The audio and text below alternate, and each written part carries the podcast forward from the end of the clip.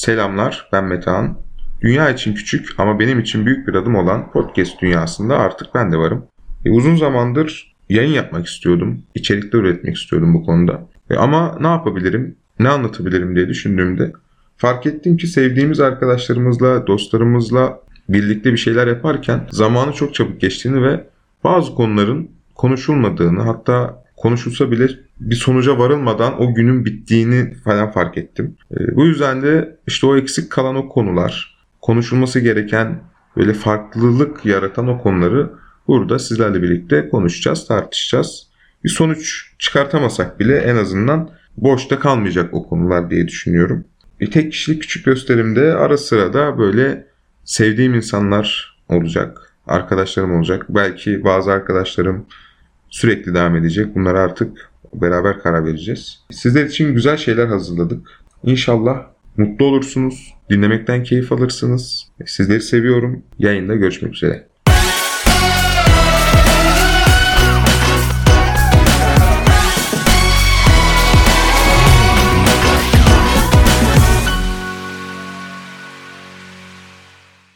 Ne derler podcast'inin bu haftaki konusu kuşak karmaşası.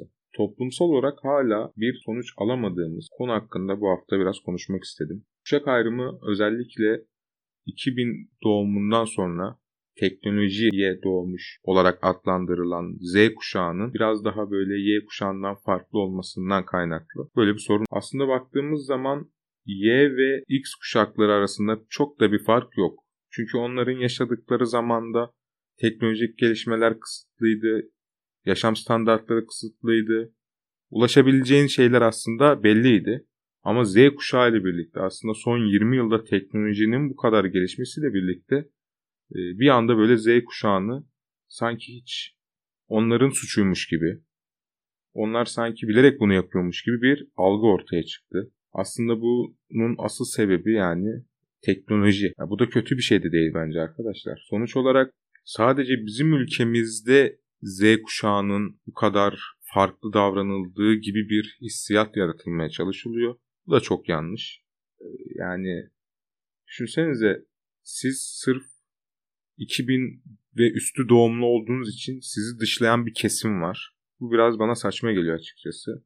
Tabii bir de diğer taraftan düşündüğümüz zaman da Y kuşağı da buna bunlar işte söz dinlemiyorlar, laf dinlemiyorlar, başına buyruk hareket ediyorlar büyüklerini saymıyorlar gibi temeller üzerinde eleştirilerde bulunuyorlar. Ya, haklı oldukları yönler olabilir. Buna saygıyla tabii ki de yaklaşmak gerekiyor ama e, dediğim gibi bunun sorumlusu Z kuşağı değil yani. Bunu bence iyi anlamak gerekiyor. Y ve X kuşakları arasında oluşan o birliktelik bağı yani birbirlerini daha iyi anlayabilmeleri, birbirlerinin yaptıkları şeylerin devamını yapmaları, yani 60 doğumlu bir bireyin 80 doğumlu bir bireyle arasında çok da bir fark yok aslında. Onlar çünkü işte ataerkil bir toplumda da yaşadığımız için böyle babadan oğula geçen ya da anneden kıza geçen görmüşlüklerle hareket ediyorlar. E, ama Z kuşağı tabii ki de çok daha farklı şeyler istiyor. Dünyadan, ülkemizden çok daha farklı şeyler istiyor. Beklentileri çok farklı. Bunu da bence karşılamak işte o Y kuşağının elinde olması gerekiyorken aksine biz hala gidip Z kuşağı şöyle Z kuşağı böyle diye onlarla tartışıyoruz. Bu üzücü bir durum gerçekten. Ve şöyle de bir algı yaratılmaya çalışıyor. Küçükler büyüklerden nasihat almalı. Onların söyledikleri üzerine hayatlarını devam ettirmeliler gibi. Bence bu biraz yanlış. E, çünkü o büyükler de küçük olduğu zaman o sobanın sıcaklığını elini değdirerek hissettiler. Aslında kimseyi dinleyerek bunu yapmadılar. Ee, o yüzden bence bu konuda hani nasihat alsın, büyükleri ne dediyse onu yapsın gibi yaklaşımlardansa sen ne yapmak istiyorsun gibi yaklaşımlarda bulunmak bana daha mantıklı geliyor. Ee, ve burada da işte ortaya çıkan başka bir sorun da işte tecrübe mi daha önemli oluyor yoksa nasihat mı daha önemli oluyor? Bu konuda da benim düşüncem tecrübe daha önemli. Çünkü nasihat aldığınız zaman bunu unutmanız çok kolay olabiliyor. Ama bir şeyi olumlu ya da olumsuz bir şekilde tecrübe ettiğiniz zaman inanın bunu hiçbir zaman unutmuyorsunuz. Bunu ben kendi hayatımdan da örneklerle size verebilirim. Yani örneğin çalışma hayatına başladığınız zaman rahat bir hayat içerisindeyken bir anda batabilirsiniz. Bir anda beklemediğiniz şeyler gerçekleşebilir. Ama o aslında o beklemediğiniz şeyler sizi zorlukta bırakan şeyler bir noktadan sonra size çok büyük deneyimler olarak geri dönüyor. Ve hayatta gerçekten yaşaması zor olan şu dünyada ayakta durmak için çok daha büyük adımlarınız oluyor. Yani düşünsenize hiçbir şekilde bir ortamda çalışma gibi bir isteği, beklentisi olmayan bir insan sadece büyüklerinin yaptıklarını gözlemleyerek okulunu bitirdikten sonra, iş hayatına atıldıktan sonra şu soruyu sorabilir kendine yani. Ben niye daha önceden bunları kendim deneyimlemedim diye. E burada suç kimin oluyor? Burada suç o Z kuşağında olan insanda mı oluyor? İşte burada suç biraz daha korumacı yaklaşımlarla yaklaşan ailelerde oluyor maalesef ki. Çünkü her birey kendi belli başlı sınavlardan geçerek nasıl üniversiteye veya yüksek lisans doktora yapabiliyorsa hayat sınavında da gerçekten belli başlı sınavlarla, sorunlarla o olayı tecrübe etmesi gerektiğini düşünüyorum. Aileler aslında burada e, iyi bir şey yaptıklarını, evlatlarını korumak istediklerini ve o hissiyatla bunları yaptıklarını düşünüyorum ama bunun karşısında pek de olumlu şeyler çıktığını ben açıkçası gözlemlemedim. Çünkü bir insanla karşılıklı sohbet ederken bile bir de sosyal medyanın da getirdiği alışkanlıklarla karşılıklı diyalog halindeyken cümle kurmakta zorlanıyoruz. Cümle kurarken hangi kelimeleri seçecek onu bile bilmiyor maalesef bazı insanlar. Bunların sorumlusu tabii ki de eğitim sürecinin ailenin küçüklükten beri verdiği o eğitimi de katarsak 20'li e, 25'li yaşlara geldiği zaman bu eğitimlerin sağlam alınması gerektiğini, gerekli deneyimlerin e, kendi öz iradesiyle yapması gerektiğini düşünenlerdenim. E, burada aslında çok kritik bir nokta var. O da şu. Z kuşağı ve ona yakın 90'lardan sonra doğmuş ve Z kuşağı 2000 başı doğmuş gençlerin ailelerine bunları yavaş yavaş ikna edici şekilde anlatması gerekiyor. Çünkü suçun gerçekten bizde ya da böyle ithamlarda bulunan insanlarda değil. Yani hepimiz görüyoruz yani e, herkes gençliğinin baharında olmayacak sorunlarla karşılaştı. Biz düşünsenize yani büyüklerimiz gençken yaşadığı o olumsuz ve kötü anları hep anlattılar size örnek olsun diye. Ama biz de şu an çoğu şeyi yaşadık. Yani darbe girişimi gördük, yangınları gördük, işte küresel bir salgın gördük. Sosyal yaşantımız değişti, alışkanlıklarımız değişti. Aslında onların da değişti. Yani onlar farkına varmadan bizim gibi yaşamaya alıştılar. İşte telefondan görüntülü aramalara başladılar. Ellerinden telefonları düşürmemeye başladılar ki bu insanlar bundan daha 5 yıl 10 yıl öncesinde ellerinde telefon gören gençlere büyük tepkiler veren insanlardı. Ama şimdi onlar da buna alıştılar. Çünkü bu pandemiyle birlikte oraya evrilmek zorunda kaldık. Bence çok da güzel oldu. E, o samimiyetsiz işte e, öpüşmeler, koklaşmalar bunların hepsi aslında kalktı ortadan. Bunlar çok güzel şeyler oldu. Ama e, hala şunu idrak edemiyorlar. Biz onlar gibi olmak istemedik ama onlar bizim gibi olmak zorunda kaldılar. Bizim yaşantımıza uymak zorunda kaldılar. Onlar bizi aslında biraz taklit ediyor gibi gözüküyor burada. Kesinlikle yani onları da kötülemek için söylemiyorum ama bence durum bu.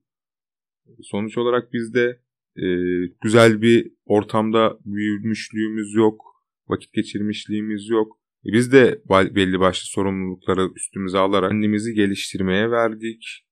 E, dünyanın değişimine ayak uydurmaya çalıştık. Yani bunlar da bence bu neslin aslında Z kuşağı neslinin yaptığı artı şeyler. Ya ben Z kuşağı bir vatandaş değilim ama yani onlarla böyle olabildikçe yakından temas kurmaya çalışan biri olduğumu söyleyebilirim. Çünkü yani maalesef ki onlar bizim büyüklerimizden daha çok şey yapacaklar. Yani bunu artık alışmaları lazım. Artık dünya, ülkemiz buna alışması gerekiyor. Onların üstünden bu gereksiz polemiği kaldırıp onlara destek olsak bence çok daha güzel şeyler ortaya çıkacaktır diye düşünüyorum. Biz birbirimizi dinlemeyi aslında kaldıramıyoruz. Birbirimizin fikirlerinin ne kadar kıymetli olduğunu düşünmek yerine benim fikrim daha önemli, benim fikrim daha kaliteli, senin fikrin şöyle mantıksız demek üzerine yarışıyoruz. Aslında birbirimizi dinleyebilsek, bu kuşaklar arasındaki iletişimi sağlayabilsek bence bütün sorun çözülecek. Yani tecrübe ve yaşanmışlıklar ya da nasihatlar ne derseniz deyin yani. Bunların ikisini ortak paydada birleştirebilirsek bence çok daha güzel şeyler çıkacak. Ama buna yani oransal olarak baktığınız zaman şimdiye kadar yaşadığım şu 24-25 senelik hayatımda e, bence büyüklerimiz daha az oranda buna yakın. Yani küçükler biraz daha işte onlara daha çok saygı duymak yönünde okeyler yani. Saygı duyarlar, onların söylediği sözleri dinlerler. Ama onlar da biraz olsun kendi sözlerinin dinlenmesini bekliyorlar yani. Ya bunu onlara çok görmemeliyiz ya. Ben mi yanlış düşünüyorum bilmiyorum ama onlar da birey. Onlar yani 2000 doğumlu bir insan şu anda 21-22 yaşında üniversite bitirecek neredeyse. Ve biz o insanlara işlerimizi, güçlerimizi işte yeri gelecek biraz daha deneyim ve olgunluk kazandıktan sonra ülke yönetimini emanet edeceğiz onlara. Ya sizin işte büyüklerden bahsediyorum. Sizin gelecekte neler istediğinizi, nasıl yaşayacağınızı aslında o biraz da böyle arka plana attığınız Z kuşağı belirleyecek. Yani bunun farkına varın artık. Y kuşağının son zamanları, 90'lılar ve sonrasında doğan insanlar belirleyecek. Ya bundan bu kadar kopuk olarak yaşayamazsınız. Bu gerçekleri görmeden hayır her şey bizim istediğimiz gibi olacak diyerek yaşayamazsınız. Üzgünüm maalesef ki. Ya biraz düşünmenizi istiyorum. Üniversiteyi yeni bitirmiş ya da 5 sene içerisinde bitirmiş insanlara soruyorum bu soruyu. Hayatınızın eğitim döneminde ne zamandan sonra kendi kararlarınızı almaya ve bunu uygulamaya kalktınız? Mesela liseye geçerken size mi soruldu hangi lisede okuyacağınız? Hangi alanı seçeceğiniz size mi soruldu? Hangi üniversiteye gideceğiniz kendi şehrinizde mi yoksa farklı şehirde mi okuyacağınız size mi soruldu? E zaten eğitim sistemi de sizi belli başlı kısıtlamalara itiyor. Bir puan üzerinden istemediğiniz okullarda, istemediğiniz bölümlerde onca yıllık bir süre harcıyorsunuz. E, üniversiteyi bitiriyorsunuz. Üniversite bittikten sonra erkekler hemen bir askere gitsin. Hemen askerliğini aradan çıkarsın. Çünkü sağ olsun e, sektörde de iş bulmak askerlik yapmadıysanız eğer biraz da zor yani. Onlar da hiç bu konuda kolaylık sağlamıyorlar. Askere gidip geldikten sonra hadi işini biraz eline alsın. İşte biraz para kazansın, birikim yapsın, ailesine destek olsun. E, ondan sonra hadi evlensin. Evlendiniz farkındasınız değil mi? Evlendiniz çok güzel her şey çok güzel. Balayına gittiniz balayından döndünüz. Balayından döndükten sonra hadi bakalım beraber çalışın borçlarınızı ödeyin. Evet çok güzel. E, tamam borçları da ödedik. O zaman sıra hadi artık çocuk yapın. Borçlarınızı ödemeden de çocuk yapabilirsiniz. Artık o sizin ailenizin size olan baskısıyla alakalı bir şey. E, çocuk yaptın. Çocuk yapmak istemiyorsun belki. Ya belki evlenmek istemiyordun sen o sırada. Belki üniversiteyi 1-2 yıl geç okumak istiyordun. Ama sırf aile baskısı üzerinden, aile baskısı yüzünden daha doğrusu siz gittiniz, üniversite okudunuz, askere gittiniz geldiniz, evlendiniz, çocuk sahibi oldunuz. Ya baktığınız zaman bunlar evet yani bu dünyaya gelmişiz. Herkesin yaptığı şeyler biz de yapacağız. Buna okeyim. Ama zamanı hangi zamanda yapacağımızı bize bıraksınlar ya. Burada bize bırakmıyorlar. Ondan sonra bizden saygı bekliyorlar. Bizden onlara sonsuz teşekkür etmemizi bekliyorlar. Biz onlara zaten bize yaptıklarından ötürü sonsuz teşekkürümüzü ederiz. Biz onlara elimizden gelen her türlü güzelliği yaparız. Burada problem yok.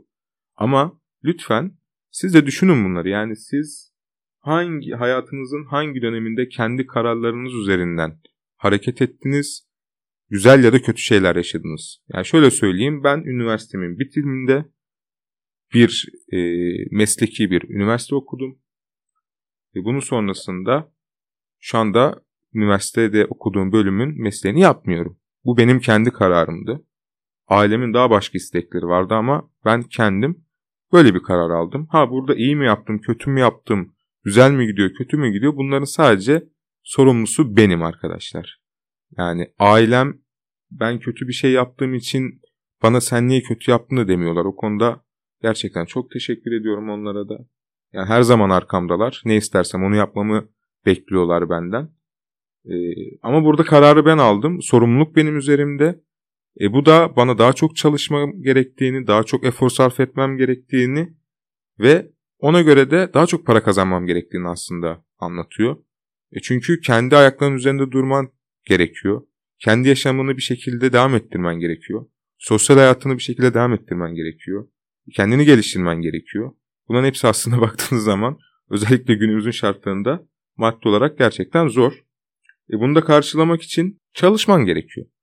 Bu çalışmayı da ben elimden geldiği kadar yapmaya çalışıyorum zaten. Aileme de aldığım kararın arkasında olduğumu, bundan beni kimsenin hiçbir şekilde caydıramayacağını çalışarak gösteriyorum aslında. Onların karşısına geçip siz bana şöyle yaptınız, böyle yaptınız, şunu yaptınız demektense kendi yaptığınız hareketlerle bunun karşılığında onların evet bu çocuk kendi yapmak istediği şeyleri kendi yapacak, başaracak, biz ona inanıyoruzu hissettirmeniz gerekiyor arkadaşlar.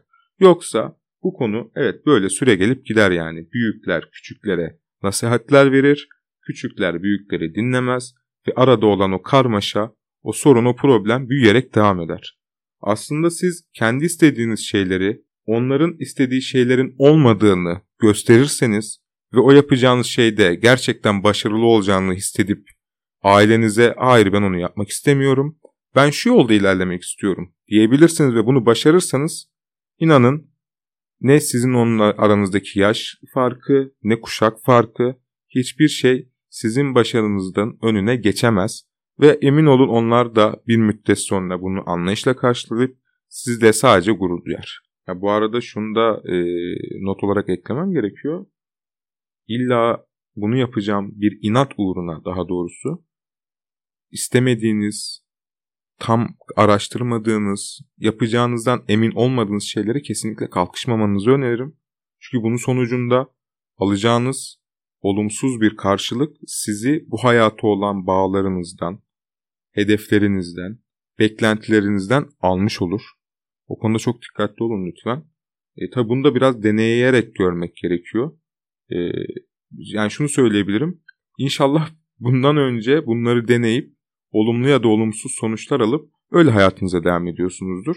Çünkü bu biraz daha avantajlı. Çünkü olumsuz bir karşılık aldığınız zaman, kötü şeyler olduğu zaman da onun aslında bir süreç olduğunu, bu sürecin bir şekilde biteceğini ve hayatın size sunacağı güzel şeylerin aslında olduğunu ve beklemeniz gerektiğini, doğru zamanda, doğru yerde, doğru kişilerle doğru adımlar atmanız gerektiğini anlayacaksınız. Anlamış olmanız gerekiyor daha doğrusu. Ve onun üzerine devam edeceksiniz hayatınıza. Ya lütfen yani o ayrımı çok iyi yapın. Sizden ricam. Sonuç olarak aslında kuşak çatışması, kuşak karmaşası sadece insanların birbirini anlamaması üzerine ortaya çıkmış bir şeydir bence.